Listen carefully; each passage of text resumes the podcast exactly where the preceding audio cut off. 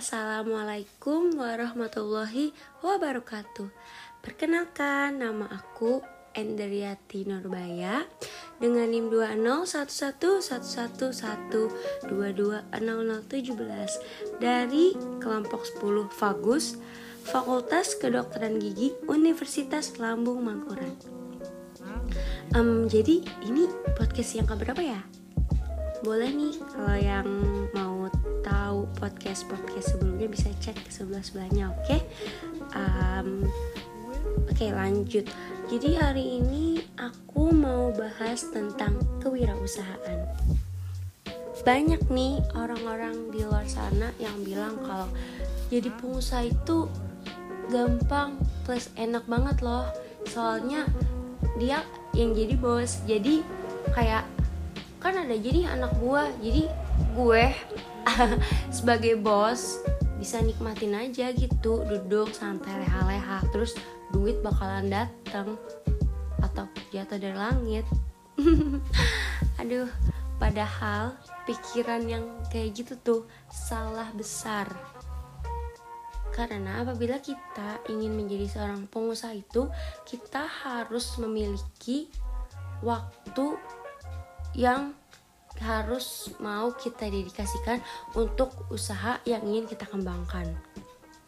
Jadi maksudnya di sini adalah kita bakalan rela kehilangan jam tidur kita atau jam kumpul sama teman sama keluarga demi mengembangkan bisnis atau usaha yang kita jalani ini. Itu masih satu hal, masih banyak hal-hal yang lain yang harus kita perhatikan agar kita dapat mengembangkan usaha kita tersebut. Selain itu, kalau mau jadi pengusaha, kita itu harus mau akrab sama yang namanya kegagalan. Jadi kita nggak boleh takut sama yang namanya kegagalan. Karena sesuatu yang outputnya besar, pasti inputnya juga besar. Jadi kalau mau sukses kita harus mau mengorbankan banyak hal untuk mendapatkan kesuksesan tersebut. Um, contohnya itu kayak ini pendiri KFC. Nah beliau itu bahkan sampai seribu kali lebih gagal baru bisa punya usaha yang sesukses sekarang yang di mana-mana siapa sih yang nggak kenal KFC gitu terus ada Steve Jobs atau pendiri Apple yang mana beliau itu bahkan didepak dari perusahaan yang dibangunnya sendiri, yang didirikannya sendiri akibat dari pengkhianatan teman atau rekan terdekatnya. Dengan adanya tidak takut kepada kegagalan ini, maka seorang pengusaha itu pasti berani dalam mengambil suatu resiko.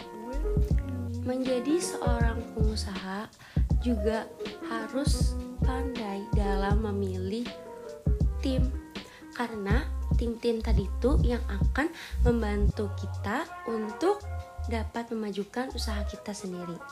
Karena kita ini seorang manusia atau seorang makhluk sosial maka kita mau tidak mau harus selalu melakukan interaksi serta komunikasi dengan orang lain. Namun, pemilihan rekan kerja ini tidak semata-mata sembarangan. Kita juga harus tahu integritas dari seseorang ini. Yang mana orang tersebut harus bisa bekerja dalam tim, tidak individualistis, jujur, serta setia. Nah, sehingga menjadi seorang pengusaha, kita harus memiliki relasi yang luas dan kuat. Dengan memiliki banyak relasi, tentu kita akan dapat lebih mudah mengembangkan usaha yang kita miliki ini. Dan yang gak kalah penting tuh kita bikin suatu usaha itu harus dari passion kita sendiri um, terus kita lihat juga nih peluang-peluang yang ada di sekitar kita kayak gitu dengan melihat peluang-peluang yang ada tentu kita dapat dengan mudah masuk ke dalam masyarakat dan mempromosikan usaha yang kita dirikan ini. Terus kan kalau mau bikin usaha pasti harus ada uang uang. Jadi perencanaan keuangan juga sangat amat penting. Karena kan kita kalau mau usaha pasti yang kita cari adalah keuntungan atau profit kan. Nah, jadi kita harus menghitung nih um, pemasukan kita ini untung apa rugi? Itu yang kita analisis gitu.